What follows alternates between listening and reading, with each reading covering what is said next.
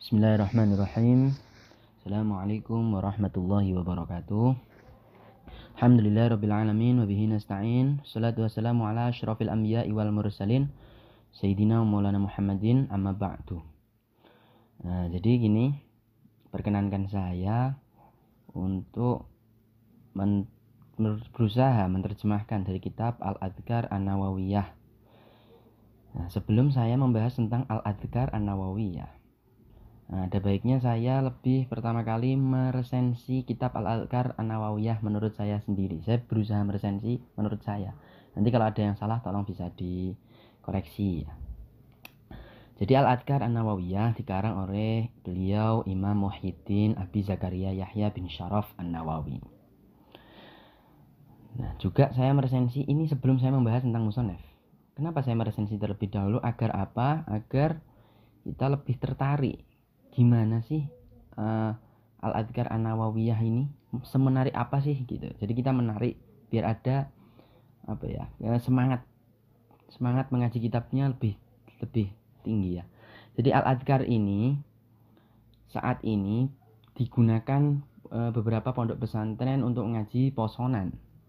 Seperti beliau Simbah Anwar Mansur Lirboyo sekarang menggunakan kitab Al-Adhkar ini untuk posonan saat ini.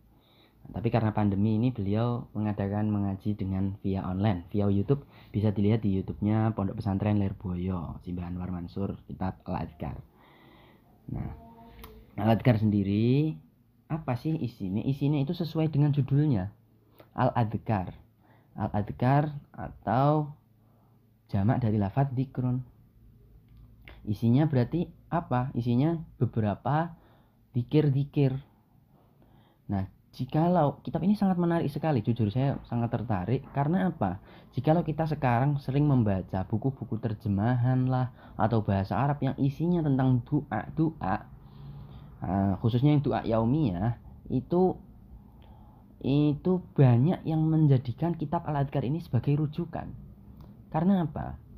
Kitab satu ini itu memang sudah sangat lengkap Bahkan di dalam mukodimahnya beliau Syekh Nawawi mengatakan bahwasannya kitab Al-Adhkar itu diambil dari lima uh, doa-doanya itu diambil dari Quran dan hadis. Dan di itu uh, sanatnya insya Allah apa sampai ya sampai itu beliau itu mengambil dari eh, Imam lima nanti ya sebelum saya masuk ke pembahasan itu saya ini, nah, terus saya menggunakan di sini cetakan Darul Kutub Al Islamiyah Jakarta, Jalan Kalibata Timur. Jadi eh, Darul Kutub Al Islamiyah yang cetakan Jakarta ini sudah sangatlah masyhur ya. Kita bangga jadi orang Indonesia. Ini bukan DKI. Kalau DKI Darul Kutub Al Islamiyah cetakan Lebanon. Ini Darul Kutub Al Islamiyah. Kalau yang Lebanon Darul Kutub Al Ilmiyah ya. Nah, itu tapi sudah sangat masyhur. Contohnya ini saya cerita sedikit tentang pengalaman saya ya. Bahwasanya di Mesir ini ada namanya Ma'rod. Ma'rod itu eh, seperti pameran buku dan Mesir ini pameran bukunya terbesar nomor dua sedunia. Dan saya mendapatkan cetakan Jakarta itu ada di Ma'rod Mesir.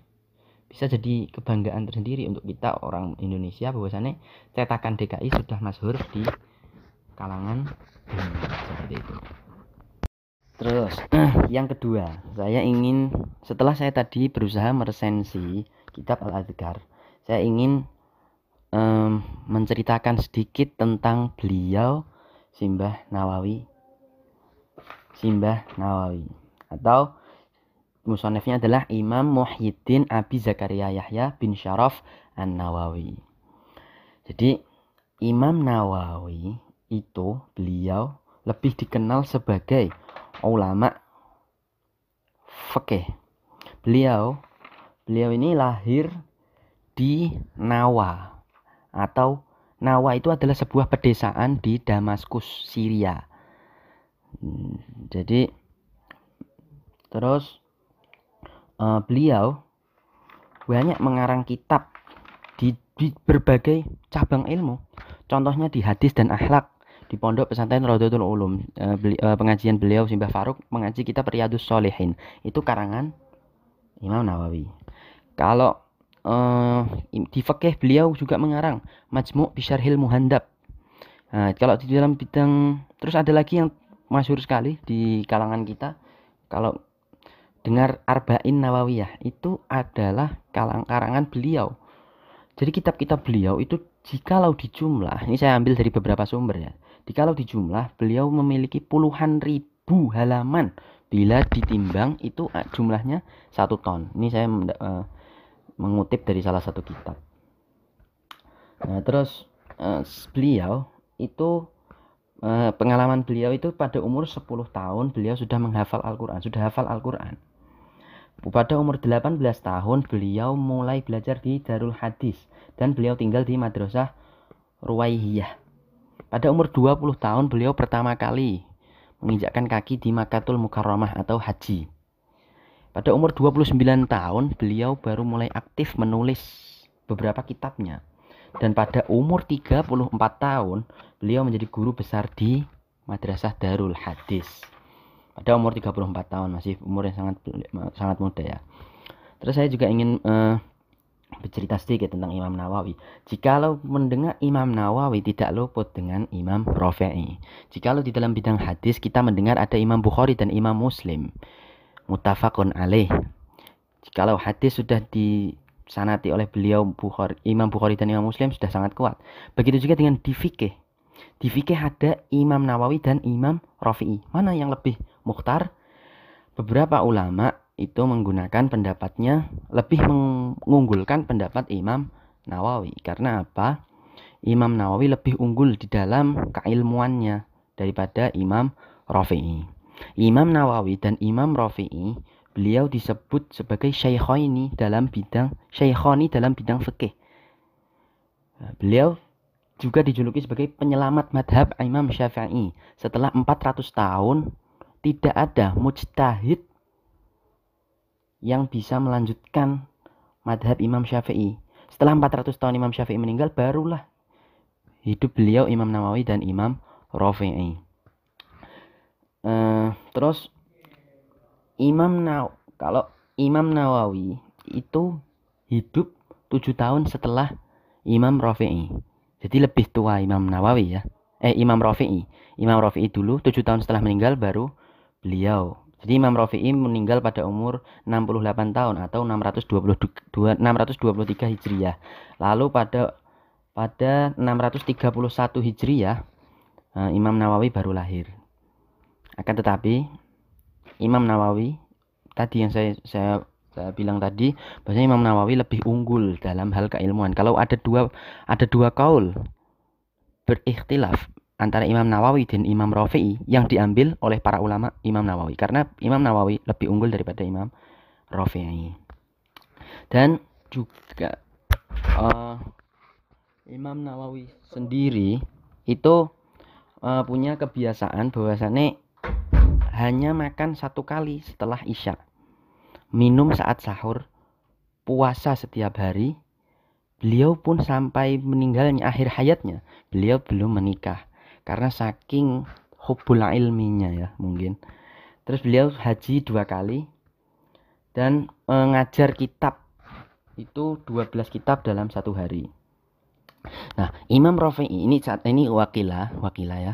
Imam Nawawi dan Imam Rafi'i itu memiliki karomah yang sama. Apa karomahnya? Jikalau Imam Rafi'i ketika malam hari dulu kan tidak ada listrik. Ketika malam hari ketika beliau menulis kitab jika tidak ada lampu, tidak ada listrik. Beliau menggu, apa, memiliki karomah Imam Rafi'i ini ya. Pohon anggur di sebelah rumahnya itu bercahaya, menerangi seisi rumah. Kalau Imam Nawawi yang menyala bukan pohon di sebelah rumah, akan tetapi jari telunjuk tangan kiri beliau sangatlah terang. Tangan beliau itu terang. Itu salah satu karomah Imam Nawawi. Dan di, uh, di dalam kitab juga dicerangkan bahwasannya memiliki karomah yang sama akan tetapi lebih istimewa Imam Nawawi. Karena Imam Rafi'i itu menggunakan pohon pohon itu kan masih apa ya diwakilkan oleh suatu benda. Kalau Imam Nawawi langsung di anggota tubuhnya. Jadi itu pendapat terus juga beliau berdua ini disebut sebagai mujtahid fatwa dua level di bawah mujtahid Imam Syafi'i. Jadi Imam Syafi'i itu mujtahid mutlak. Mujtahid mutlak itu apa sih? Mujtahid mutlak itu uh, seorang mujtahid yang mampu langsung mengambil hukum dari Quran dan hadis. Lalu di bawahnya lagi setelah mujtahid mutlak itu ada mujtahid madhab yaitu beliau yang mampu mengambil hukum itu dari kaul madhab. Nah, mujtahid madhab itu ada Imam Muzanni, ada Imam Buaiti. Itu berdua itu adalah beliau adalah murid Imam Syafi'i. Setelah mujtahid madhab ada namanya mujtahid fatwa. Mujtahid fatwa ini memang tidak bisa mengambil e, mengambil hukum dari Quran dan hadis maupun dari madhab. Madhab, tapi beliau mengambil itu beliau berdua Imam Nawawi dan Imam Rafi'i itu mampu mentarjih. Tarjih itu apa? Membandingkan kualitas argumen dari beberapa pendapat imam mana yang lebih kuat samanya ada imam Bukhari dan imam Muslim mana yang lebih kuat nah itu ditentukan oleh imam Nawawi dan imam Rafi'i itu beliau berdua mampu mentarjih mana mana sih yang lebih kuat. Jadi seperti itu. Bismillahirrahmanirrahim. Qala al-muallif rahimahumullahu ta'ala Wa nafa'ni wa nafa'na bihi Wa bi'ulumihi fid daraini. Amin amin ya rabbal alamin. Sebelum saya mencoba membacakan hati apa? Uh, membacakan kitab Al-Adhkar An-Nawawiyah Mari kita hadiahkan surah Al-Fatihah untuk beliau sang musannif. Fatihah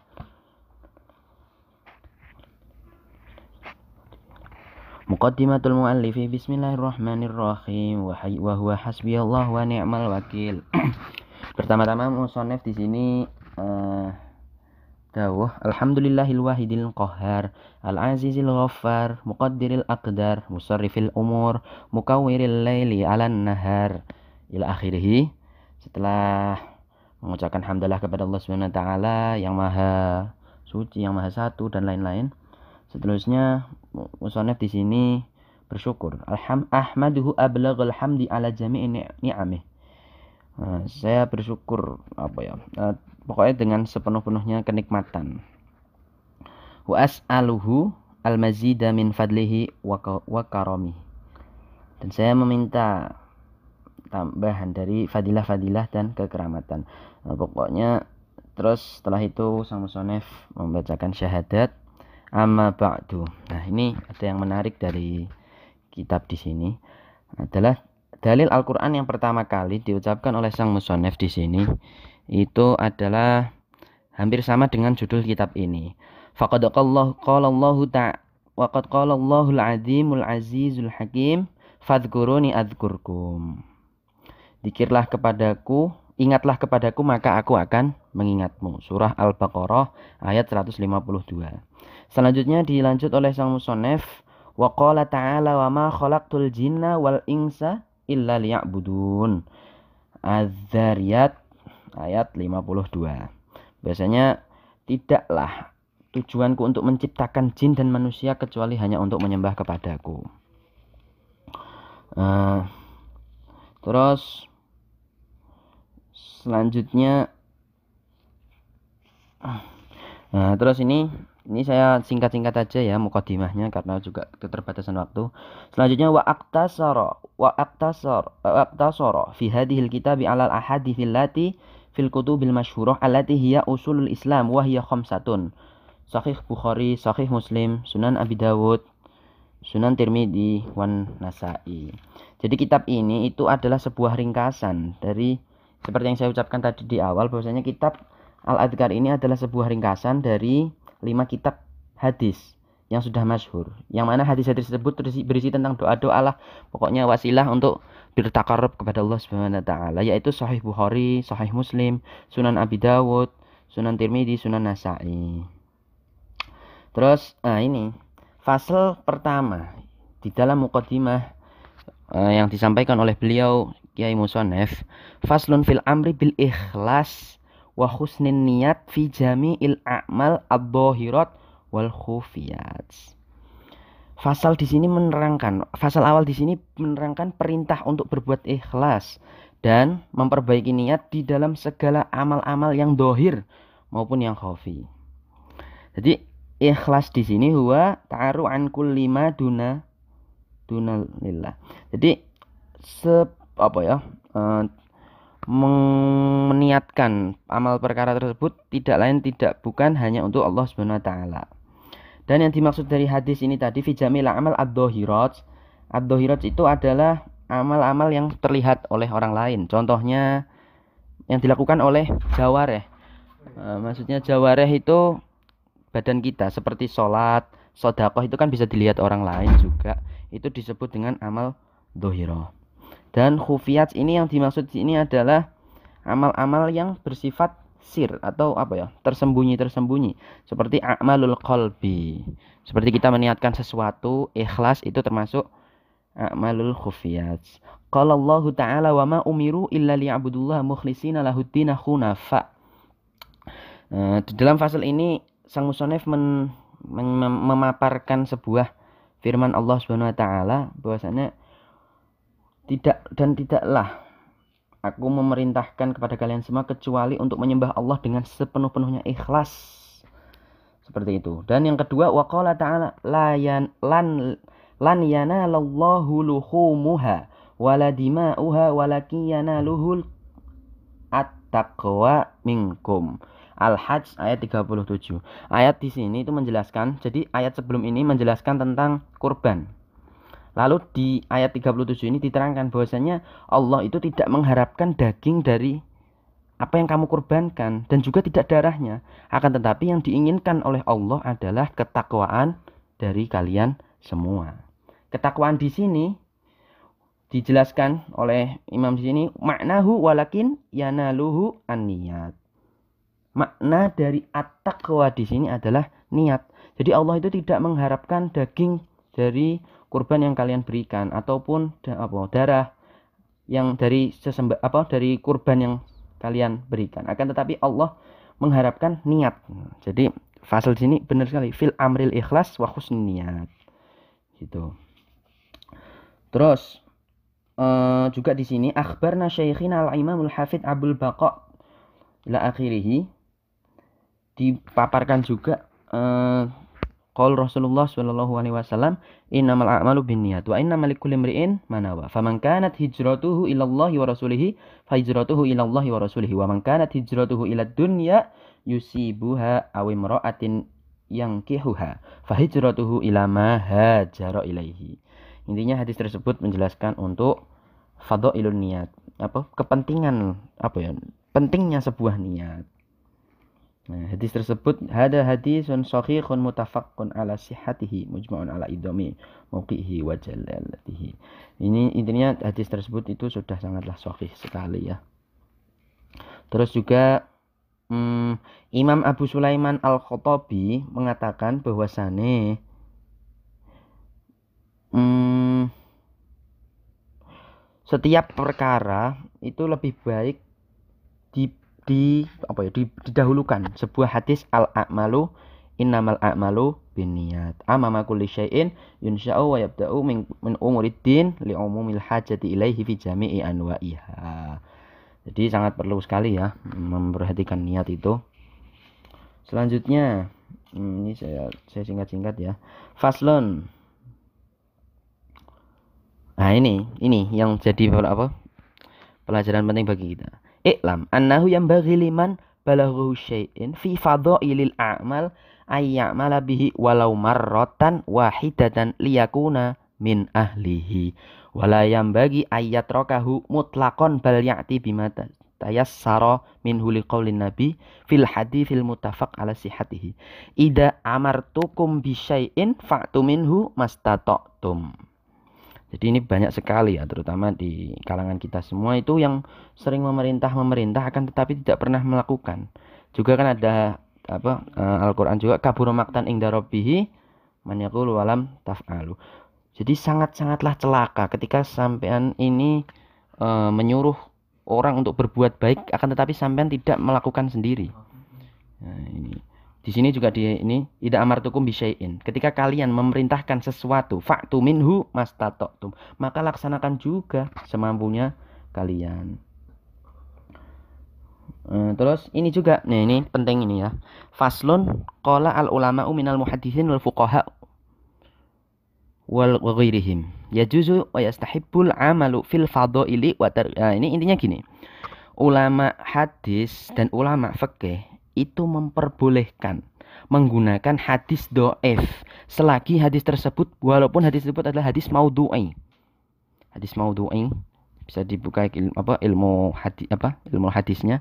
Itu boleh kalau digunakan untuk fadhailul a'mal. Untuk menjelaskan tentang fadilah-fadilah amal. Akan tetapi kalau yang berhubungan dengan ahkam kal halali wal haram wal ba'i wan nikah wat talaqi wa ghairi dalik seperti hukum halal haram uh, jual beli nikah tolak itu harus menggunakan fala ya'malu fiha illa bil hadisi as-sahih awil hasan harus menggunakan hadis sahih seminimal-minimalnya hasan. Jadi gitu.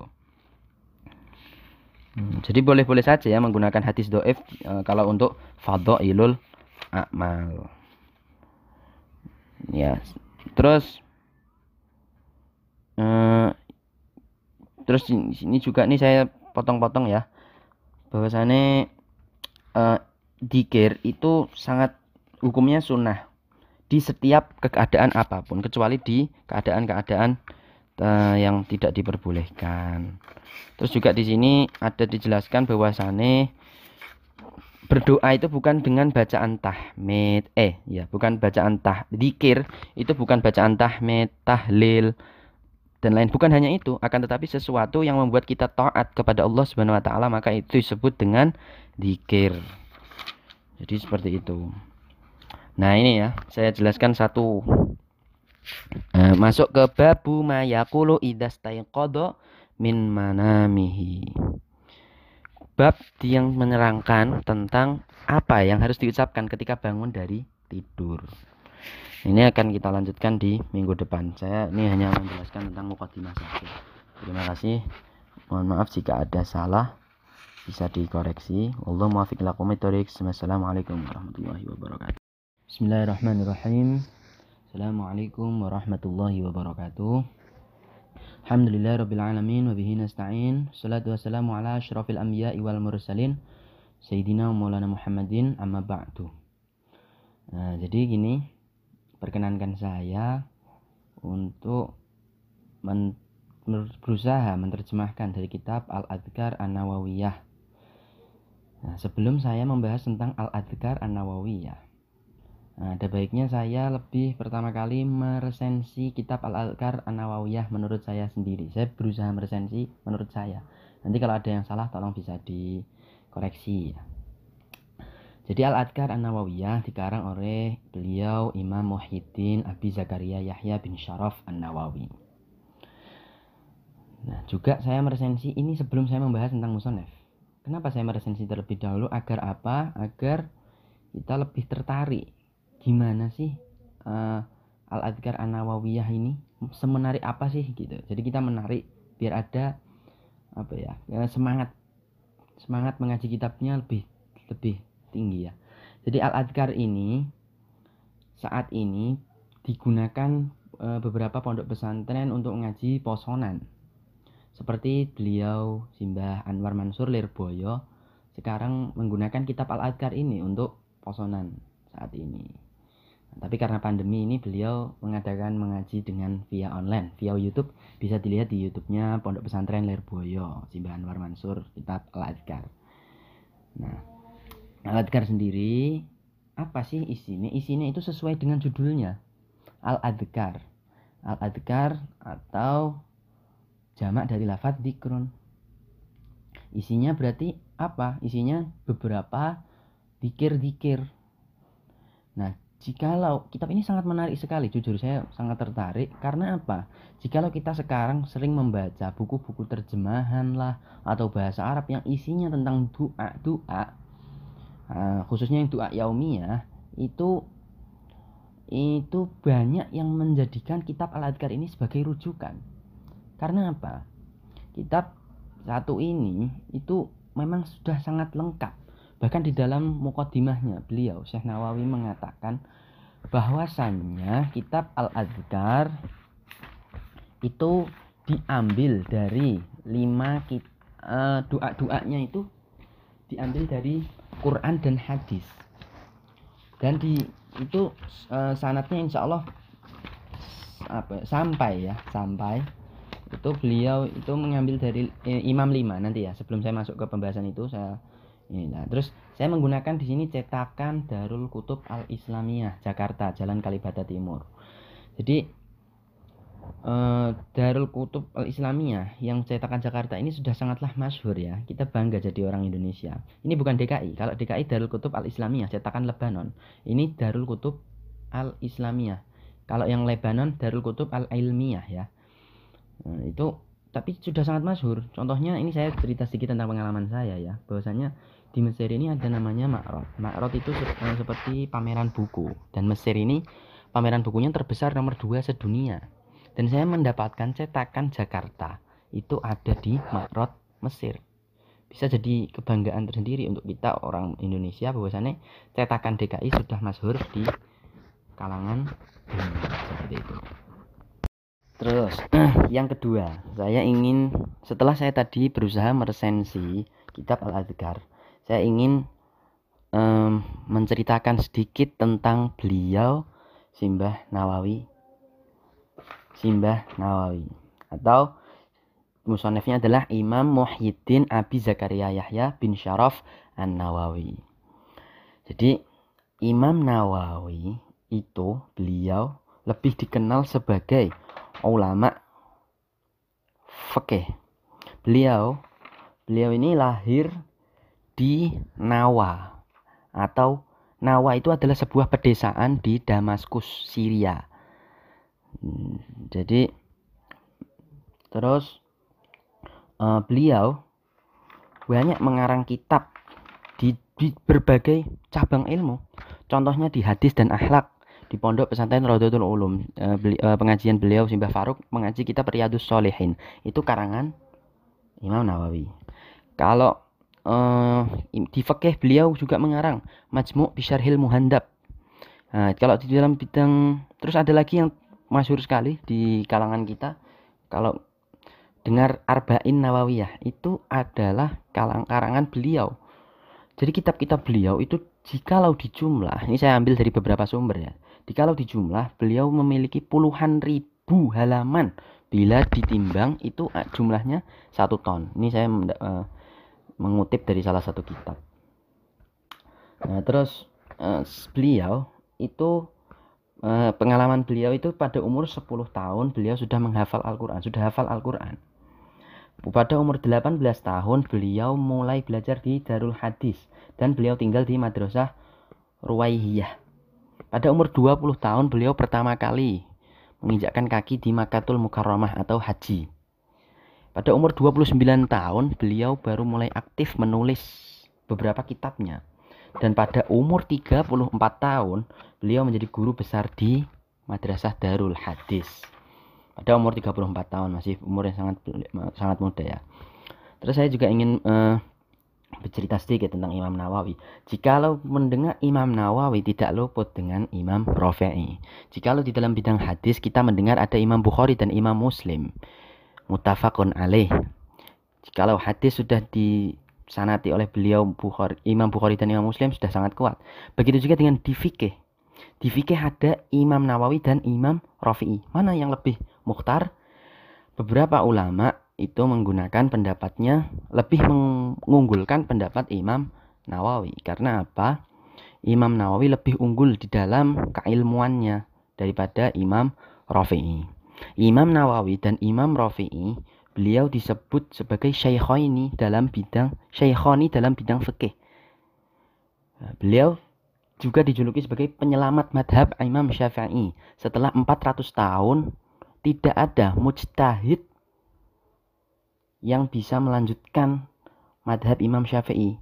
Setelah 400 tahun Imam Syafi'i meninggal, barulah hidup beliau Imam Nawawi dan Imam Rafi'i. Uh, terus Imam Naw kalau Imam Nawawi itu hidup 7 tahun setelah Imam Rafi'i. Jadi lebih tua Imam Nawawi ya. Eh Imam Rafi'i. Imam Rafi'i dulu 7 tahun setelah meninggal baru beliau jadi Imam Rafi'i meninggal pada umur 68 tahun atau 622 623 Hijriah. Lalu pada pada 631 Hijriah eh, Imam Nawawi baru lahir. Akan tetapi Imam Nawawi tadi yang saya saya saya bilang tadi bahwasanya Imam Nawawi lebih unggul dalam hal keilmuan. Kalau ada dua ada dua kaul berikhtilaf antara Imam Nawawi dan Imam Rafi'i yang diambil oleh para ulama Imam Nawawi karena Imam Nawawi lebih unggul daripada Imam Rafi'i. Dan juga uh, Imam Nawawi sendiri itu uh, punya kebiasaan bahwasannya hanya makan satu kali setelah Isya minum saat sahur, puasa setiap hari. Beliau pun sampai meninggalnya akhir hayatnya, beliau belum menikah karena saking hubul ilminya ya mungkin. Terus beliau haji dua kali dan mengajar kitab itu 12 kitab dalam satu hari. Nah, Imam Rafi'i ini saat ini wakilah, wakilah ya. Imam Nawawi dan Imam Rafi'i itu memiliki karomah yang sama. Apa karomahnya? Jikalau Imam Rafi'i ketika malam hari dulu kan tidak ada listrik. Ketika malam hari, ketika beliau menulis kitab, jika tidak ada lampu, tidak ada listrik, beliau menggu, apa, memiliki karomah Imam Rafi'i ini ya. Pohon anggur di sebelah rumahnya itu bercahaya, menerangi seisi rumah. Kalau Imam Nawawi yang menyala bukan pohon di sebelah rumah, akan tetapi jari telunjuk tangan kiri beliau sangatlah terang. Tangan beliau itu terang. Itu salah satu karomah Imam Nawawi.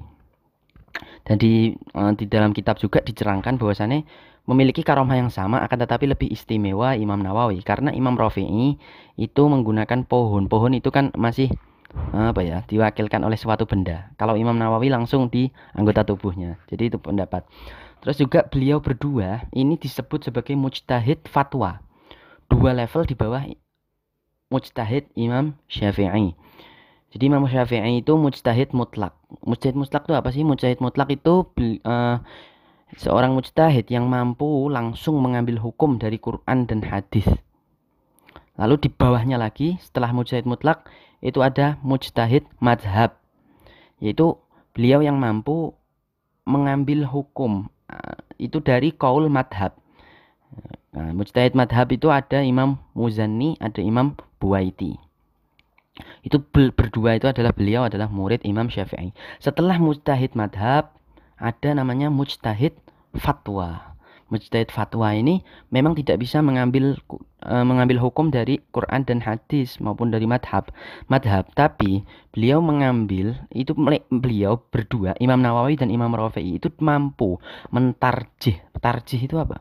Membandingkan kualitas argumen dari beberapa pendapat imam mana yang lebih kuat samanya ada imam Bukhari dan imam Muslim mana yang lebih kuat nah itu ditentukan oleh imam Nawawi dan imam Rafi'i itu beliau berdua mampu mentarjih mana mana sih yang lebih kuat jadi seperti itu Bismillahirrahmanirrahim. Qala al-muallif rahimahumullahu taala wa nafa'ni wa nafa'na bihi wa bi ulumihi fid dharain amin amin ya rabbal alamin. Sebelum saya mencoba membacakan hati apa uh, membacakan kitab Al-Adhkar An-Nawawiyah, mari kita hadiahkan surah Al-Fatihah untuk beliau sang musannif. Fatihah.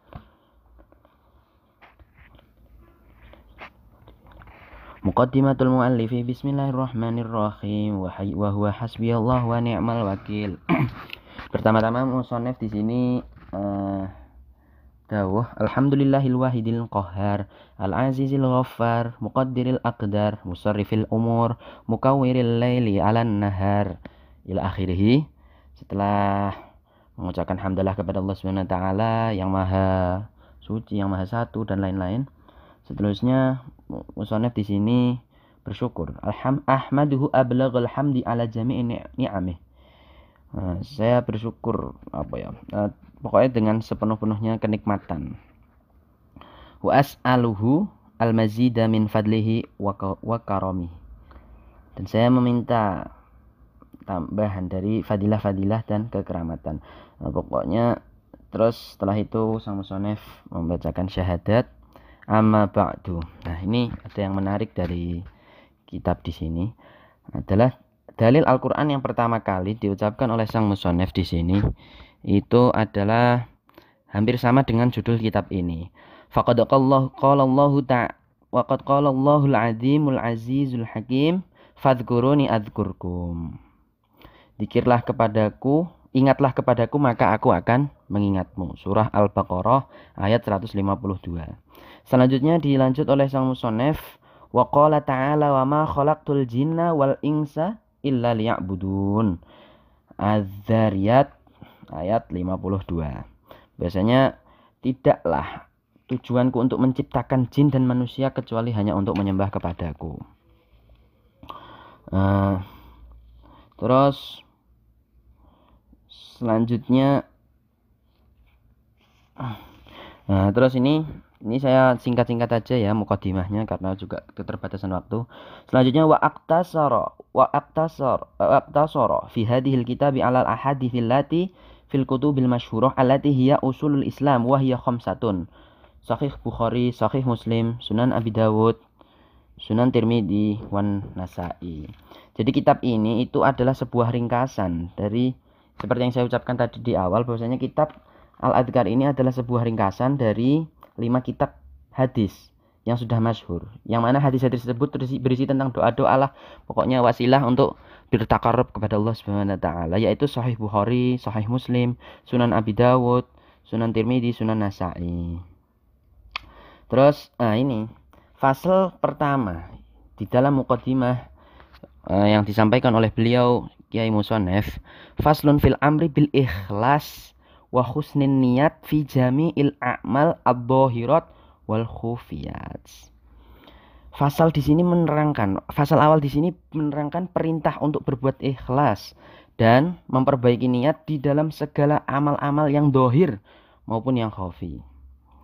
Jadi ikhlas di sini huwa ta'aru an kulli ma duna duna lillah. Jadi se apa ya? Uh, meniatkan amal perkara tersebut tidak lain tidak bukan hanya untuk Allah Subhanahu wa taala. Dan yang dimaksud dari hadis ini tadi fijamil amal ad-dhahirat. Ad-dhahirat itu adalah amal-amal yang terlihat oleh orang lain. Contohnya yang dilakukan oleh jawareh. Uh, maksudnya jawareh itu badan kita seperti sholat, sodakoh itu kan bisa dilihat orang lain juga. Itu disebut dengan amal dohiro. Dan khufiyat ini yang dimaksud ini adalah amal-amal yang bersifat sir atau apa ya tersembunyi-tersembunyi. Seperti amalul qalbi. Seperti kita meniatkan sesuatu ikhlas itu termasuk amalul khufiyat. Qala Allah taala wa ma umiru illa liya'budullah mukhlishina lahuddin hunafa. Uh, di dalam fasal ini sang musonef memaparkan sebuah firman Allah Subhanahu wa taala bahwasanya tidak dan tidaklah aku memerintahkan kepada kalian semua kecuali untuk menyembah Allah dengan sepenuh-penuhnya ikhlas. Seperti itu. Dan yang kedua waqala ta'ala la yan, lan lan yanalallahu luhumuha wala dima'uha walakin yanaluhul at-taqwa minkum. Al-Hajj ayat 37. Ayat di sini itu menjelaskan, jadi ayat sebelum ini menjelaskan tentang kurban. Lalu di ayat 37 ini diterangkan bahwasanya Allah itu tidak mengharapkan daging dari apa yang kamu kurbankan dan juga tidak darahnya. Akan tetapi yang diinginkan oleh Allah adalah ketakwaan dari kalian semua. Ketakwaan di sini dijelaskan oleh imam di sini maknahu walakin yanaluhu an-niyat.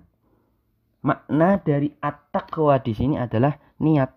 Jadi Allah itu tidak mengharapkan daging dari kurban yang kalian berikan ataupun apa darah yang dari sesembah apa dari kurban yang kalian berikan. Akan tetapi Allah mengharapkan niat. Jadi fasal sini benar sekali. Fil amril ikhlas wa niat gitu. Terus uh, juga di sini akhbarna syaikhina al imamul hafid abul baqa ila akhirih.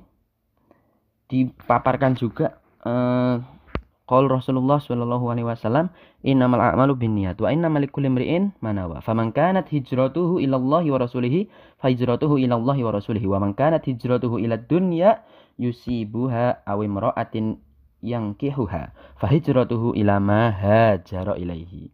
Intinya hadis tersebut menjelaskan untuk fadhailun niat, apa kepentingan apa ya? Pentingnya sebuah niat. Nah, hadis tersebut ada hadisun sahihun mutafaqqun ala sihhatihi mujma'un ala idami mauqihi wa jalalatihi. Ini intinya hadis tersebut itu sudah sangatlah sahih sekali ya. Terus juga hmm, Imam Abu Sulaiman Al-Khattabi mengatakan bahwasane hmm, setiap perkara itu lebih baik di di apa ya di, didahulukan. Sebuah hadis al a'malu innamal a'malu binniyat. Amama kulli syai'in yunsha'u wa yabda'u min, min umuriddin li umumil hajati ilaihi fi jami'i anwa'iha. Jadi sangat perlu sekali ya memperhatikan niat itu. Selanjutnya hmm, ini saya saya singkat-singkat ya. Faslon nah ini ini yang jadi apa? Pelajaran penting bagi kita Iklam annahu yang bagi liman balaghu syai'in fi fadhailil a'mal ayya'mala bihi walau marratan wahidatan liyakuna min ahlihi. Wala yang bagi ayat rokahu mutlakon bal ya'ti bima tayassara minhu liqaulin nabi fil hadithil mutafaq ala sihatihi ida amartukum bisyai'in fa'tu minhu mastata'tum jadi ini banyak sekali ya, terutama di kalangan kita semua itu yang sering memerintah-memerintah akan tetapi tidak pernah melakukan. Juga kan ada apa uh, Al-Qur'an juga kabur maktan ing darobihi man walam taf'alu. Jadi sangat-sangatlah celaka ketika sampean ini uh, menyuruh orang untuk berbuat baik akan tetapi sampean tidak melakukan sendiri. Nah, ini di sini juga di ini tidak amartukum bisyai'in. Ketika kalian memerintahkan sesuatu, faktu minhu mastata'tum, maka laksanakan juga semampunya kalian. Uh, terus ini juga, nih ini penting ini ya. Faslun qala al ulama minal muhaddisin wal fuqaha wal ghairihim. Yajuzu wa yastahibbul amalu fil fadhaili wa nah, ini intinya gini. Ulama hadis dan ulama fikih itu memperbolehkan menggunakan hadis do'ef selagi hadis tersebut walaupun hadis tersebut adalah hadis maudhu'i hadis maudhu'i bisa dibuka ilmu apa ilmu hadis apa ilmu hadisnya. Itu boleh kalau digunakan untuk fadhailul a'mal. Untuk menjelaskan tentang fadilah-fadilah amal. Akan tetapi kalau yang berhubungan dengan ahkam kal halali wal haram wal ba'i wan nikah wat talaqi wa ghairi dalik seperti hukum halal haram uh, jual beli nikah tolak itu harus menggunakan fala ya'malu fiha illa bil hadisi as-sahih awil hasan. Harus menggunakan hadis sahih seminimal-minimalnya hasan. Jadi gitu. Hmm, jadi boleh-boleh saja ya menggunakan hadis doif uh, kalau untuk fadhailul a'mal. Ya. Terus uh, terus ini juga nih saya potong-potong ya. Bahwasannya uh, dikir itu sangat hukumnya sunnah. Di setiap keadaan apa pun kecuali di keadaan-keadaan uh, yang tidak diperbolehkan. Terus juga di sini ada dijelaskan bahwasannya berdoa itu bukan dengan bacaan tahmid. Eh ya bukan bacaan tah dikir itu bukan bacaan tahmid tahlil dan lain bukan hanya itu akan tetapi sesuatu yang membuat kita taat kepada Allah Subhanahu wa taala maka itu disebut dengan zikir. Jadi seperti itu. Nah, ini ya, saya jelaskan satu uh, masuk ke babu mayaqulu idastaiqadha min manamihi. Bab yang menerangkan tentang apa yang harus diucapkan ketika bangun dari tidur.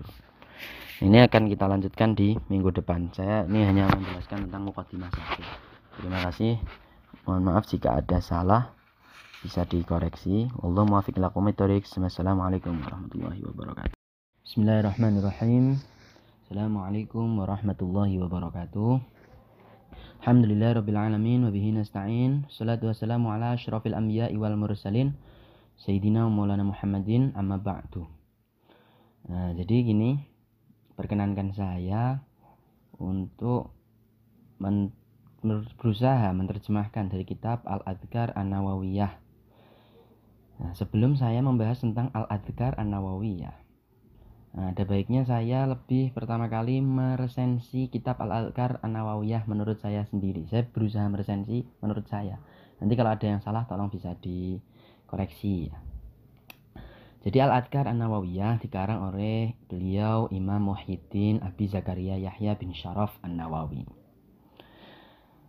Nah, juga saya meresensi ini sebelum saya membahas tentang musonef. Kenapa saya meresensi terlebih dahulu? Agar apa? Agar kita lebih tertarik. Gimana sih uh, Al-Adkar An-Nawawiyah ini? Semenarik apa sih gitu. Jadi kita menarik biar ada apa ya, ya semangat semangat mengaji kitabnya lebih lebih tinggi ya. Jadi Al-Adkar ini saat ini digunakan e, beberapa pondok pesantren untuk ngaji posonan. Seperti beliau Simbah Anwar Mansur Lirboyo sekarang menggunakan kitab Al-Adkar ini untuk posonan saat ini.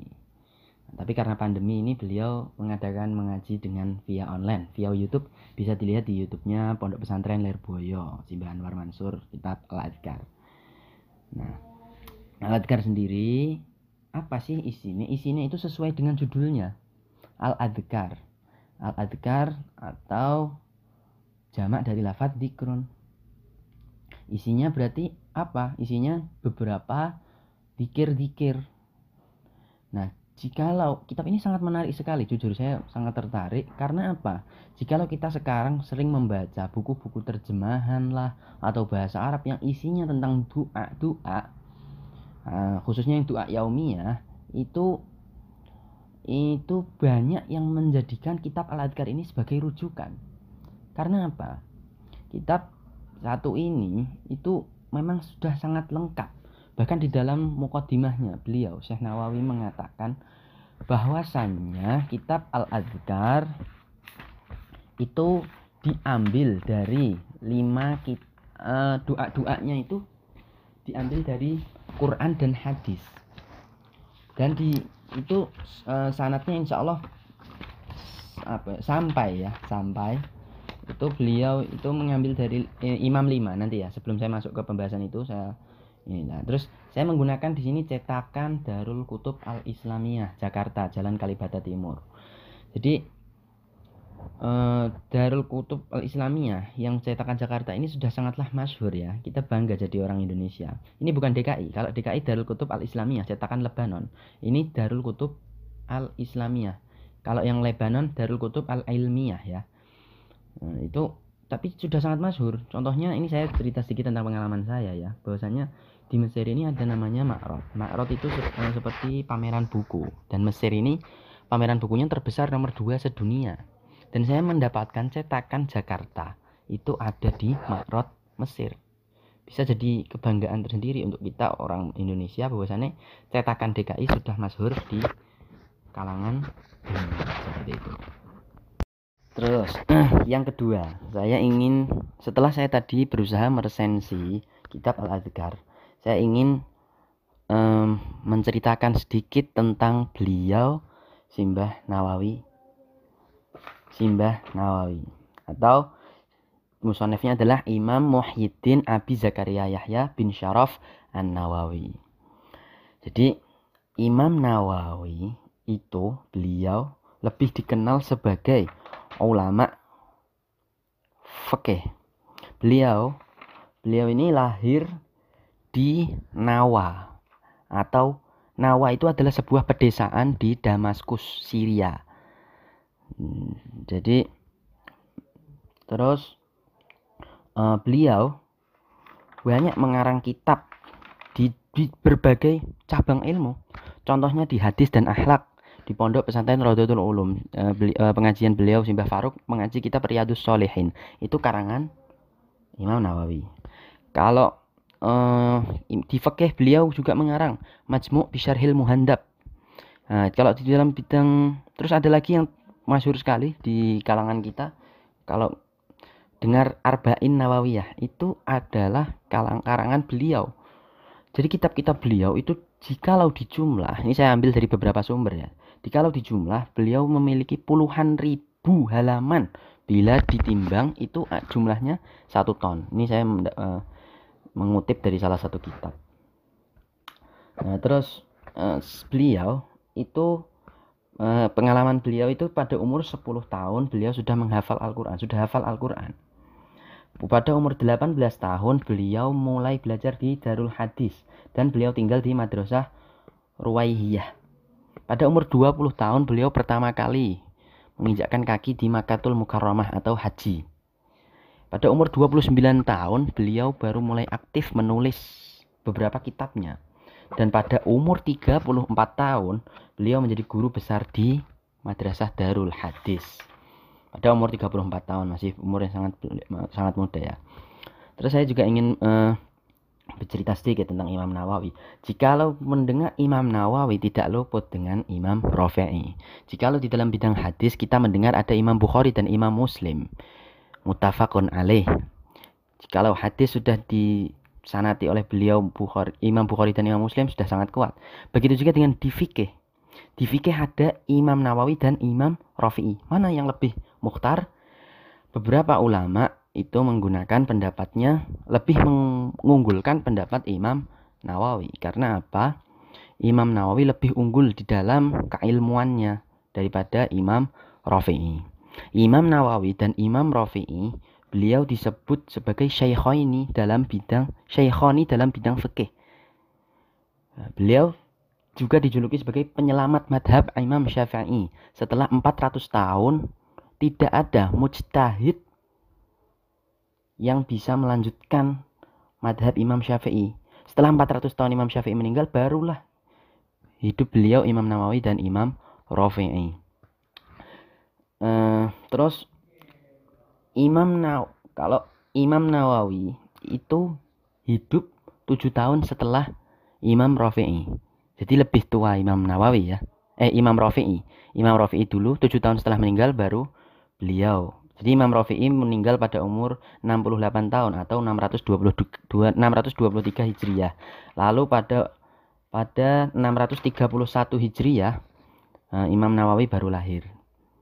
Akan tetapi Imam Nawawi tadi yang saya saya saya bilang tadi bahwasanya Imam Nawawi lebih unggul dalam hal keilmuan. Kalau ada dua ada dua kaul berikhtilaf antara Imam Nawawi dan Imam Rafi'i yang diambil oleh para ulama Imam Nawawi karena Imam Nawawi lebih unggul daripada Imam Rafi'i dan juga uh, Imam Nawawi sendiri itu uh, punya kebiasaan bahwasannya hanya makan satu kali setelah isya.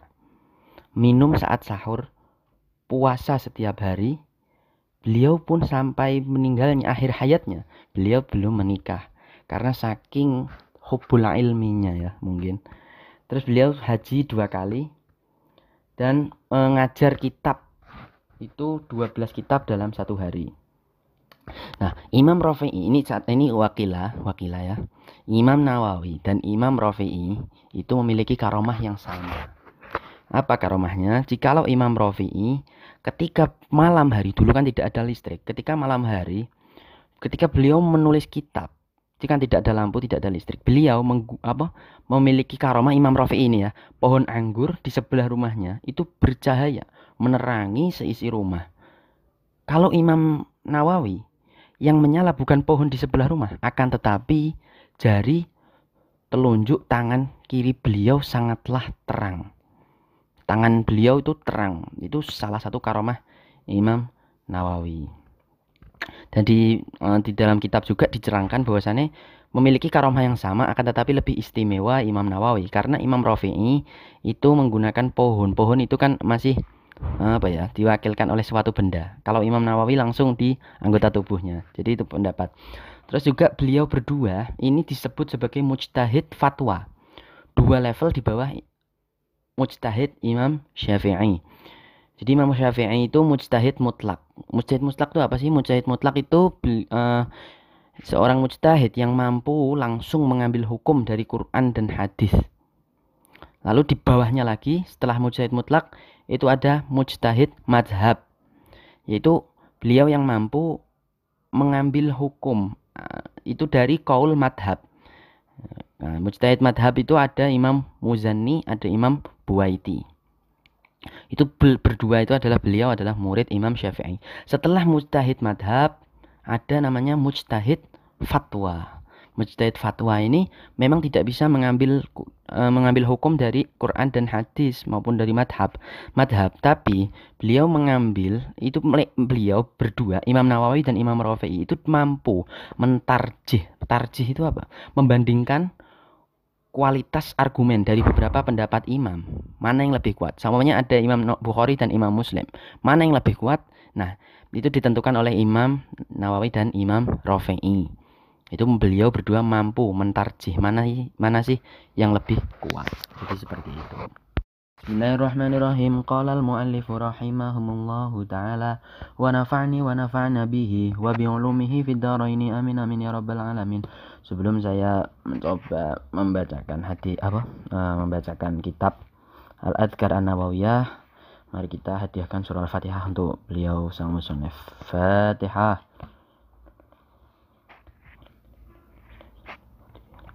Muqaddimatul muallifi Bismillahirrahmanirrahim wa huwa hasbiyallah wa ni'mal wakil. Pertama-tama musonef di sini uh, dawuh Alhamdulillahil wahidil qahhar al azizil ghaffar muqaddiril aqdar musarrifil umur mukawwiril laili 'alan nahar ila akhirih. Setelah mengucapkan hamdalah kepada Allah Subhanahu wa taala yang maha suci, yang maha satu dan lain-lain. Seterusnya musonef di sini bersyukur. Alham ahmaduhu ablaghal hamdi ala jami'i ni'amih. Nah, saya bersyukur apa ya? Uh, pokoknya dengan sepenuh-penuhnya kenikmatan. Wa as'aluhu al-mazida min fadlihi wa, karami. Dan saya meminta tambahan dari fadilah-fadilah dan kekeramatan. Nah, pokoknya terus setelah itu sang musonef membacakan syahadat Amma ba'du. Nah, ini ada yang menarik dari kitab di sini adalah dalil Al-Qur'an yang pertama kali diucapkan oleh sang musonef di sini itu adalah hampir sama dengan judul kitab ini. Faqad qala Allah ta'ala wa qad qala Allahul azimul azizul hakim fadhkuruni adzkurkum. Dikirlah kepadaku, ingatlah kepadaku maka aku akan mengingatmu. Surah Al-Baqarah ayat 152. Selanjutnya dilanjut oleh sang musonef wa qala ta'ala wa ma khalaqtul jinna wal insa illa liya'budun. Az-Zariyat ayat 52. Biasanya tidaklah tujuanku untuk menciptakan jin dan manusia kecuali hanya untuk menyembah kepadaku. Uh, terus selanjutnya Nah, terus ini ini saya singkat-singkat aja ya mukadimahnya karena juga keterbatasan waktu. Selanjutnya wa aktasara wa aktasar wa aktasara fi hadhil kitab ala al ahadits allati fil kutubil masyhurah allati hiya usulul Islam wa hiya khamsatun. Sahih Bukhari, Sahih Muslim, Sunan Abi Dawud, Sunan Tirmidzi, wan Nasai. Jadi kitab ini itu adalah sebuah ringkasan dari seperti yang saya ucapkan tadi di awal bahwasanya kitab Al-Adhkar ini adalah sebuah ringkasan dari lima kitab hadis yang sudah masyhur. Yang mana hadis-hadis tersebut berisi, berisi tentang doa-doa lah. Pokoknya wasilah untuk bertakarub kepada Allah Subhanahu wa taala yaitu Sahih Bukhari, Sahih Muslim, Sunan Abi Dawud, Sunan Tirmidzi, Sunan Nasai. Terus nah ini fasal pertama di dalam mukadimah uh, yang disampaikan oleh beliau Kiai Musonef faslun fil amri bil ikhlas wa husnin niat fi jami'il a'mal ad-dhahirat wal khufiyat. Fasal di sini menerangkan, fasal awal di sini menerangkan perintah untuk berbuat ikhlas dan memperbaiki niat di dalam segala amal-amal yang dohir maupun yang khafi. Jadi ikhlas di sini huwa ta'aru an kulli ma duna dunalillah. Jadi se apa ya? Uh, meniatkan amal perkara tersebut tidak lain tidak bukan hanya untuk Allah Subhanahu wa taala. Dan yang dimaksud dari hadis ini tadi fijamil amal ad-dhahirat. Ad-dhahirat itu adalah amal-amal yang terlihat oleh orang lain. Contohnya yang dilakukan oleh jawareh. Uh, maksudnya jawareh itu badan kita seperti sholat, sodakoh itu kan bisa dilihat orang lain juga. Itu disebut dengan amal dohiro. Dan khufiyat ini yang dimaksud ini adalah amal-amal yang bersifat sir atau apa ya tersembunyi-tersembunyi seperti a'malul qalbi. Seperti kita meniatkan sesuatu ikhlas itu termasuk a'malul khufiyat. Qala Allah taala wa ma umiru illa liya'budullah mukhlishina lahuddin hunafa. Uh, di dalam fasal ini sang musonef men, men, memaparkan sebuah firman Allah Subhanahu wa taala bahwasanya tidak dan tidaklah Aku memerintahkan kepada kalian semua kecuali untuk menyembah Allah dengan sepenuh-penuhnya ikhlas. Seperti itu. Dan yang kedua, waqala ta'ala la yan, lan lan yanalallahu luhumuha wala dima'uha walakin yanaluhul at-taqwa minkum. Al-Hajj ayat 37. Ayat di sini itu menjelaskan, jadi ayat sebelum ini menjelaskan tentang kurban. Lalu di ayat 37 ini diterangkan bahwasanya Allah itu tidak mengharapkan daging dari apa yang kamu kurbankan dan juga tidak darahnya. Akan tetapi yang diinginkan oleh Allah adalah ketakwaan dari kalian semua. Ketakwaan di sini dijelaskan oleh imam di sini maknahu walakin yanaluhu an-niyat. Makna dari at-taqwa di sini adalah niat. Jadi Allah itu tidak mengharapkan daging dari kurban yang kalian berikan ataupun apa darah yang dari sesembah apa dari kurban yang kalian berikan. Akan tetapi Allah mengharapkan niat. Jadi fasal sini benar sekali. Fil amril ikhlas wa niat gitu. Terus uh, juga di sini akhbarna syaikhina al imamul hafid abul baqa ila akhirih. Dipaparkan juga uh, Qol Rasulullah sallallahu alaihi wasallam, "Innamal a'malu binniyat wa innamal likulli imri'in ma nawa." Faman kanat hijratuhu ila Allah wa rasulih, fa hijratuhu ila Allah wa rasulih. Wa man kanat hijratuhu ila dunya yusibuha aw imra'atin yankihuha, fa hijratuhu ila ma hajara ilaihi. Intinya hadis tersebut menjelaskan untuk fadhailun niat, apa kepentingan apa ya? Pentingnya sebuah niat. Nah, hadis tersebut ada hadisun sahihun mutafaqqun ala sihhatihi mujma'un ala idami mauqihi wa jalalatihi. Ini intinya hadis tersebut itu sudah sangatlah sahih sekali ya. Terus juga hmm, Imam Abu Sulaiman Al-Khattabi mengatakan bahwasane hmm, setiap perkara itu lebih baik di apa ya di, didahulukan. Sebuah hadis al a'malu innamal a'malu binniyat. Amama kulli syai'in yunsha'u wa yabda'u min, min umuriddin li umumil hajati ilaihi fi jami'i anwa'iha. Jadi sangat perlu sekali ya memperhatikan niat itu. Selanjutnya hmm, ini saya saya singkat-singkat ya. Faslon nah ini ini yang jadi apa? Pelajaran penting bagi kita Iklam annahu yang bagi liman balaghu syai'in fi fadhailil a'mal ayya'mala bihi walau marratan wahidatan liyakuna min ahlihi. Wala yang bagi ayat rokahu mutlakon bal ya'ti bima tayassara minhu liqaulin nabi fil hadithil mutafaq ala sihatihi ida amartukum bisyai'in fa'tu minhu mastata'tum jadi ini banyak sekali ya, terutama di kalangan kita semua itu yang sering memerintah-memerintah akan tetapi tidak pernah melakukan. Juga kan ada apa uh, Al-Qur'an juga kabur maktan ing rabbihi man yaqulu walam taf'alu. Jadi sangat-sangatlah celaka ketika sampean ini uh, menyuruh orang untuk berbuat baik akan tetapi sampean tidak melakukan sendiri. Nah, ini di sini juga di ini tidak amartukum bisyai'in. Ketika kalian memerintahkan sesuatu, faktu minhu mastatoktum, maka laksanakan juga semampunya kalian. Uh, terus ini juga, nih ini penting ini ya.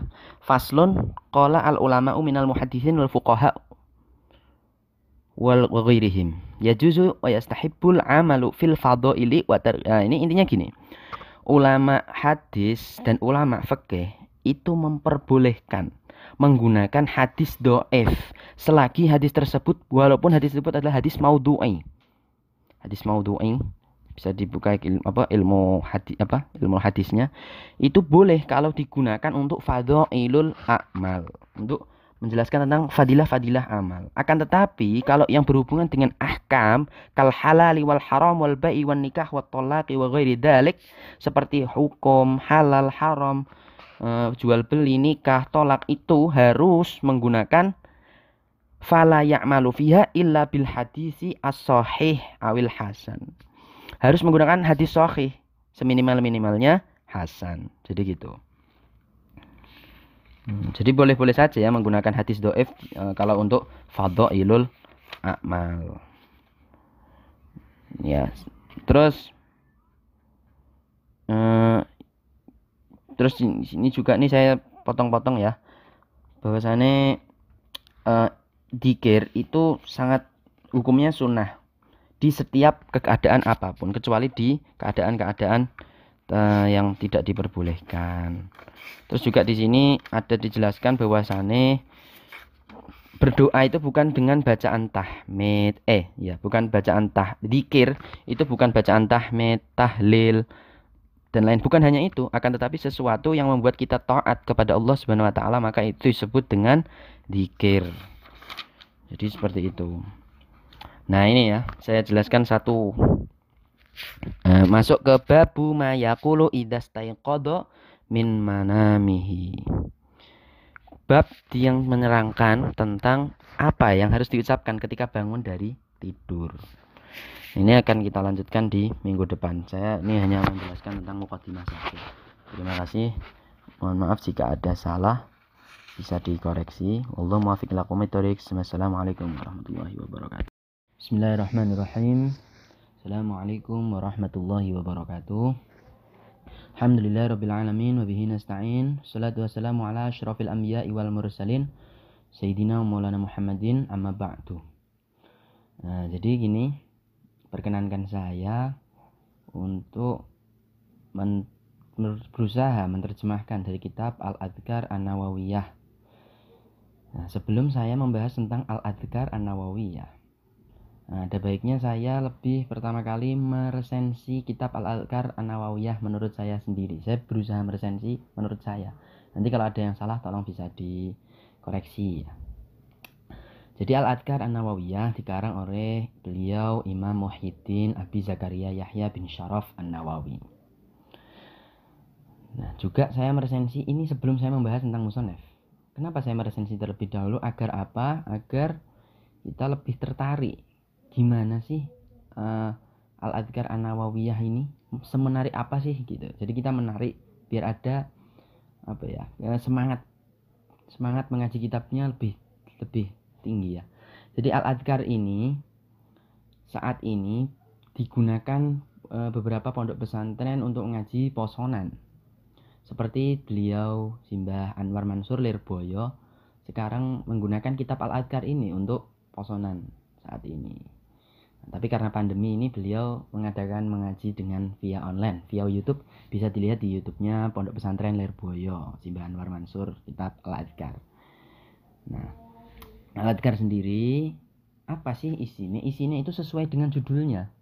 Al-Adhkar. Al-Adhkar atau jamak dari lafaz dikrun isinya berarti apa isinya beberapa dikir-dikir nah jikalau kitab ini sangat menarik sekali jujur saya sangat tertarik karena apa jikalau kita sekarang sering membaca buku-buku terjemahan lah atau bahasa Arab yang isinya tentang doa doa uh, khususnya yang doa yaumiyah itu itu banyak yang menjadikan kitab al-adkar ini sebagai rujukan karena apa? Kitab satu ini itu memang sudah sangat lengkap. Bahkan di dalam mukodimahnya beliau Syekh Nawawi mengatakan bahwasannya kitab Al-Adhkar itu diambil dari lima uh, doa-doanya itu diambil dari Quran dan hadis. Dan di itu uh, sanatnya insya Allah apa sampai ya sampai. Itu beliau itu mengambil dari eh, Imam 5 nanti ya sebelum saya masuk ke pembahasan itu saya ini. Nah terus saya menggunakan di sini cetakan Darul Kutub Al Islamiyah Jakarta Jalan Kalibata Timur. Jadi eh, Darul Kutub Al Islamiyah yang cetakan Jakarta ini sudah sangatlah masyhur ya kita bangga jadi orang Indonesia ini bukan DKI kalau DKI Darul Kutub Al Islamiyah cetakan Lebanon ini Darul Kutub Al Islamiyah kalau yang Lebanon Darul Kutub Al Ilmiyah ya Nah, itu tapi sudah sangat masyhur. Contohnya ini saya cerita sedikit tentang pengalaman saya ya. Bahwasanya di Mesir ini ada namanya Makrot. Makrot itu eh, seperti pameran buku dan Mesir ini pameran bukunya terbesar nomor dua sedunia.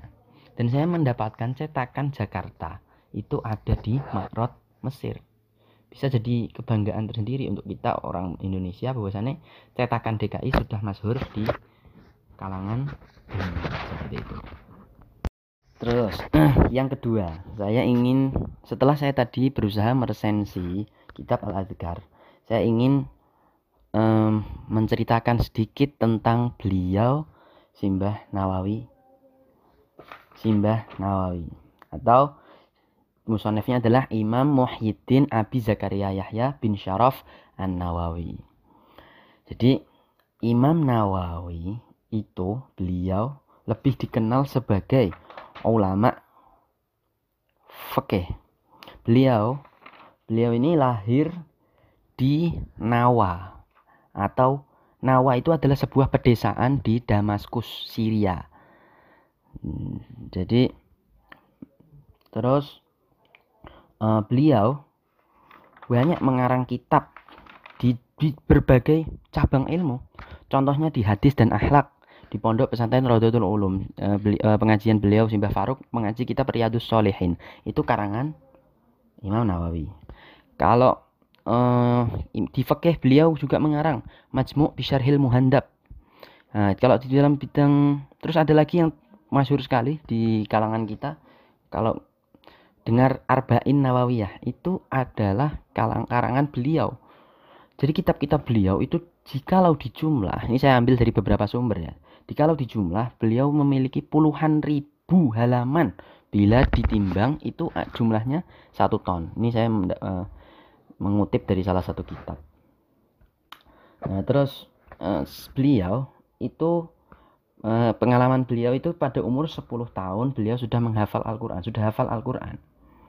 Pada umur 18 tahun beliau mulai belajar di Darul Hadis dan beliau tinggal di Madrasah Ruwaihiyah. Pada umur 20 tahun beliau pertama kali menginjakkan kaki di Makatul Mukarramah atau haji. Pada umur 29 tahun beliau baru mulai aktif menulis beberapa kitabnya. Dan pada umur 34 tahun beliau menjadi guru besar di Madrasah Darul Hadis. Pada umur 34 tahun masih umur yang sangat sangat muda ya. Terus saya juga ingin uh, bercerita sedikit tentang Imam Nawawi. Jikalau mendengar Imam Nawawi tidak luput dengan Imam Rafi'i. Jikalau di dalam bidang hadis kita mendengar ada Imam Bukhari dan Imam Muslim. Mutafakun alaih. Jikalau hadis sudah disanati oleh beliau Bukhari, Imam Bukhari dan Imam Muslim sudah sangat kuat. Begitu juga dengan di fikih. Di fikih ada Imam Nawawi dan Imam Rafi'i. Mana yang lebih mukhtar? Beberapa ulama itu menggunakan pendapatnya lebih mengunggulkan pendapat Imam Nawawi. Karena apa? Imam Nawawi lebih unggul di dalam keilmuannya daripada Imam Rafi'i. Imam Nawawi dan Imam Rafi'i beliau disebut sebagai syaikhaini dalam bidang syaikhoni dalam bidang fikih. Beliau juga dijuluki sebagai penyelamat madhab Imam Syafi'i. Setelah 400 tahun tidak ada mujtahid yang bisa melanjutkan madhab Imam Syafi'i. Setelah 400 tahun Imam Syafi'i meninggal, barulah hidup beliau Imam Nawawi dan Imam Rafi'i. Uh, terus Imam Naw kalau Imam Nawawi itu hidup 7 tahun setelah Imam Rafi'i. Jadi lebih tua Imam Nawawi ya. Eh Imam Rafi'i.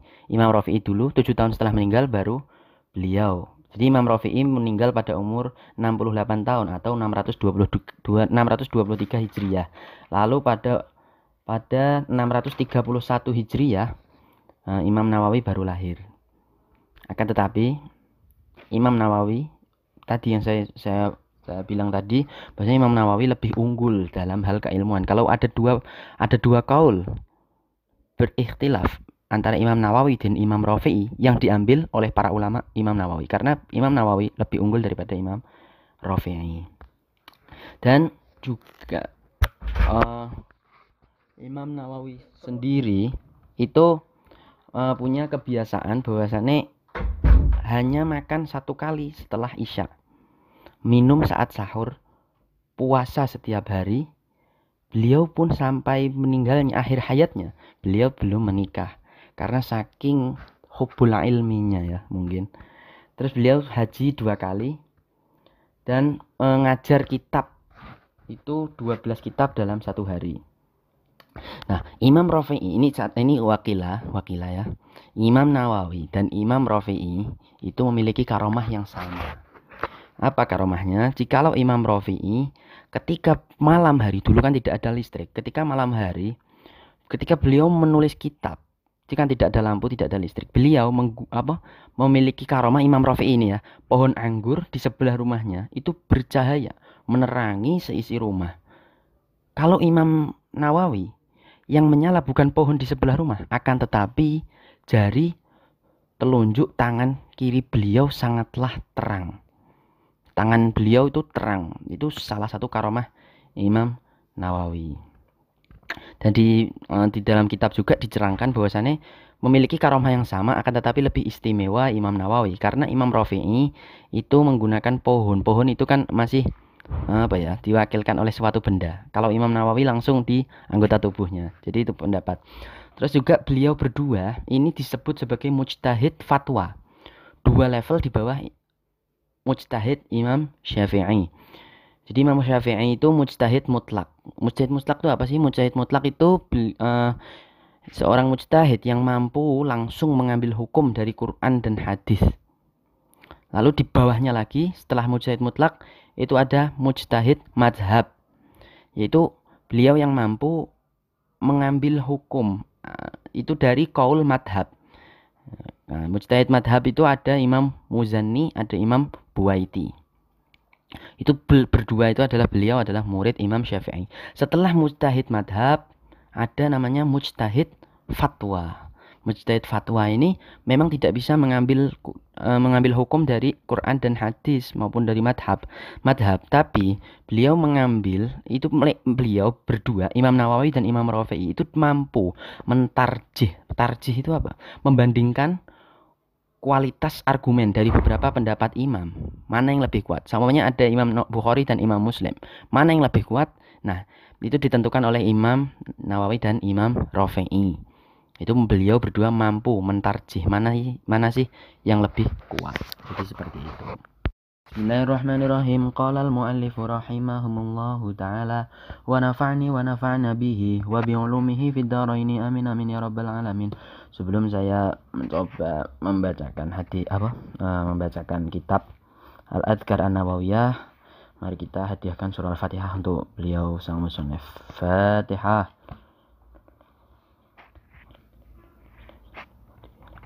Muqaddimatul muallifi Bismillahirrahmanirrahim wa huwa hasbiyallah wa ni'mal wakil.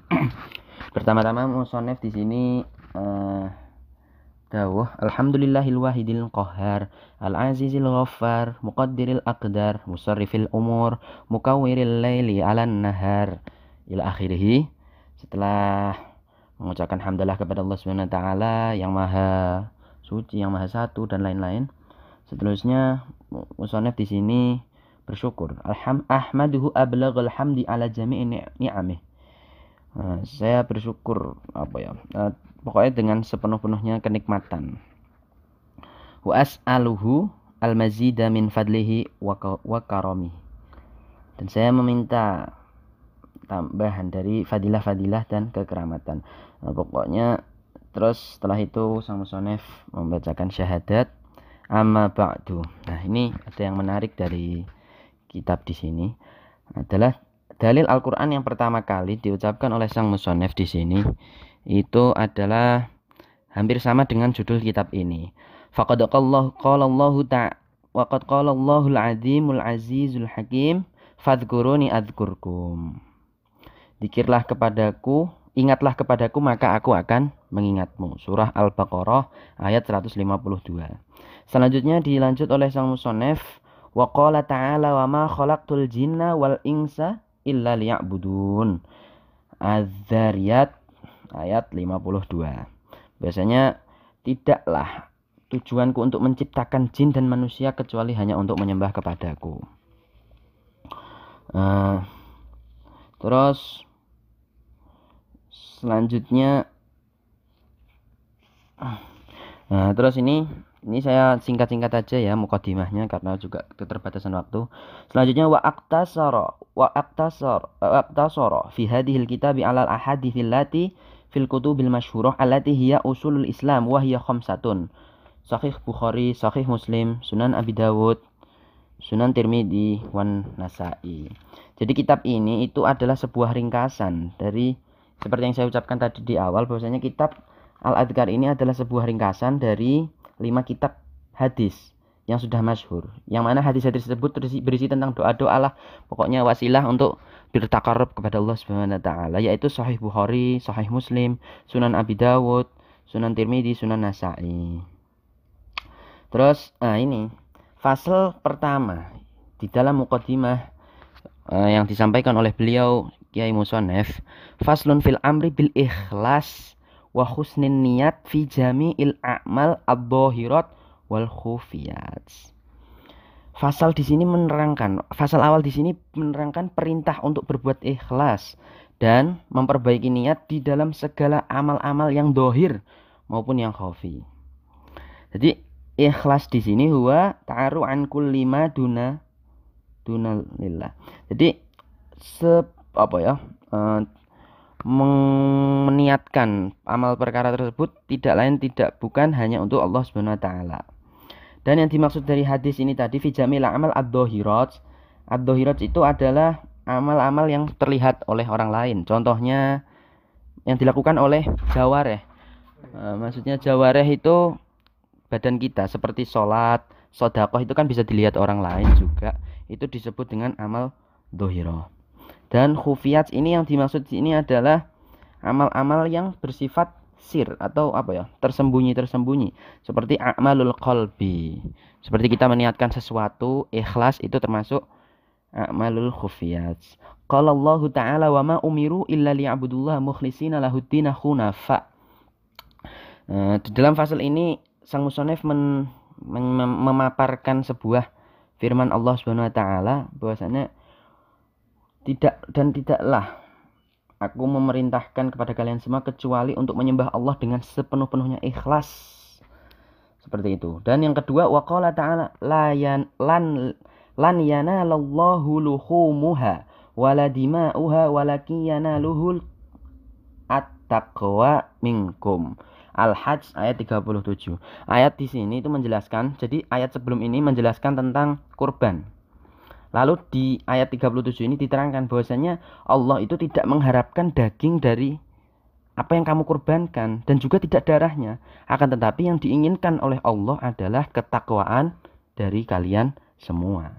Ketakwaan di sini dijelaskan oleh imam di sini maknahu walakin yanaluhu an-niyat. Makna dari at-taqwa di sini adalah niat. Jadi Allah itu tidak mengharapkan daging dari kurban yang kalian berikan ataupun apa darah yang dari sesembah apa dari kurban yang kalian berikan. Akan tetapi Allah mengharapkan niat. Jadi fasal sini benar sekali. Fil amril ikhlas wa niat gitu. Terus uh, juga di sini akhbarna syaikhina al imamul hafid abul baqa ila akhirih. Dipaparkan juga uh, Qol Rasulullah sallallahu alaihi wasallam, "Innamal a'malu binniyat wa innamal likulli imri'in ma nawa. Faman kanat hijratuhu ila Allah wa rasulihi, fa hijratuhu ila Allah wa rasulihi. Wa man kanat hijratuhu ila dunya yusibuha aw imra'atin yankihuha, fa hijratuhu ila ma hajara ilaihi." Intinya hadis tersebut menjelaskan untuk fadhailun niat, apa? kepentingan apa ya? Pentingnya sebuah niat. Nah, hadis tersebut hada hadisun sahihun mutafaqqun ala sihhatihi mujma'un ala idami mauqihi wa jalalatihi. Ini intinya hadis tersebut itu sudah sangatlah sahih sekali ya. Terus juga hmm, Imam Abu Sulaiman Al-Khattabi mengatakan bahwasane hmm, setiap perkara itu lebih baik di di apa ya di, didahulukan. Sebuah hadis al a'malu innamal a'malu binniyat. Amama kulli syai'in yunsha'u wa yabda'u min, min umuriddin li umumil hajati ilaihi fi jami'i anwa'iha. Jadi sangat perlu sekali ya memperhatikan niat itu. Selanjutnya hmm, ini saya saya singkat-singkat ya. Faslon nah ini ini yang jadi apa? Pelajaran penting bagi kita iklam annahu yang bagi liman balaghu syai'in fi fadhailil a'mal ayya'mala bihi walau marratan wahidatan liyakuna min ahlihi. Wala bagi ayat rokahu mutlakon bal ya'ti bima tayassara huli qaulin nabi fil fil mutafaq ala sihatihi ida amartukum bisyai'in fa'tu minhu mastata'tum jadi ini banyak sekali ya terutama di kalangan kita semua itu yang sering memerintah memerintah akan tetapi tidak pernah melakukan. Juga kan ada apa uh, Al-Qur'an juga kabur maktan ing darobihi man yaqulu walam taf'alu. Jadi sangat-sangatlah celaka ketika sampean ini e, menyuruh orang untuk berbuat baik akan tetapi sampean tidak melakukan sendiri. Nah, ini di sini juga di ini ida amartukum bisyai'in. Ketika kalian memerintahkan sesuatu, fa'tu minhu mastata'tum, maka laksanakan juga semampunya kalian. Uh, terus ini juga, nih ini penting ini ya. Faslun qala al ulama minal muhaddisin wal fuqaha wal ghairihim yajuzu wa yastahibbul amalu fil fadhaili wa nah, ini intinya gini ulama hadis dan ulama fikih itu memperbolehkan menggunakan hadis doef selagi hadis tersebut walaupun hadis tersebut adalah hadis maudhu'i hadis maudhu'i bisa dibuka ilmu apa ilmu hadis apa ilmu hadisnya. Itu boleh kalau digunakan untuk fadhailul a'mal. Untuk menjelaskan tentang fadilah-fadilah amal. Akan tetapi kalau yang berhubungan dengan ahkam kal halali wal haram wal ba'i wan nikah wat talaqi wa ghairi dalik seperti hukum halal haram uh, jual beli nikah tolak itu harus menggunakan fala ya'malu fiha illa bil hadisi as-sahih awil hasan. Harus menggunakan hadis sahih seminimal-minimalnya hasan. Jadi gitu. Hmm, jadi boleh-boleh saja ya menggunakan hadis doif e, kalau untuk ilul amal. Ya. Terus e, terus ini juga nih saya potong-potong ya. Bahwasannya e, dikir itu sangat hukumnya sunnah di setiap keadaan apa pun kecuali di keadaan-keadaan uh, yang tidak diperbolehkan. Terus juga di sini ada dijelaskan bahwasannya berdoa itu bukan dengan bacaan tahmid eh ya bukan bacaan tah dikir itu bukan bacaan tahmid tahlil dan lain bukan hanya itu akan tetapi sesuatu yang membuat kita taat kepada Allah Subhanahu wa taala maka itu disebut dengan dikir jadi seperti itu nah ini ya saya jelaskan satu Nah, masuk ke babu mayakulu idastaiqadha min manamihi. Bab yang menerangkan tentang apa yang harus diucapkan ketika bangun dari tidur. Ini akan kita lanjutkan di minggu depan. Saya ini hanya menjelaskan tentang mukadimah saja. Terima kasih. Mohon maaf jika ada salah bisa dikoreksi. Allah muwaffiq lakum Assalamualaikum warahmatullahi wabarakatuh.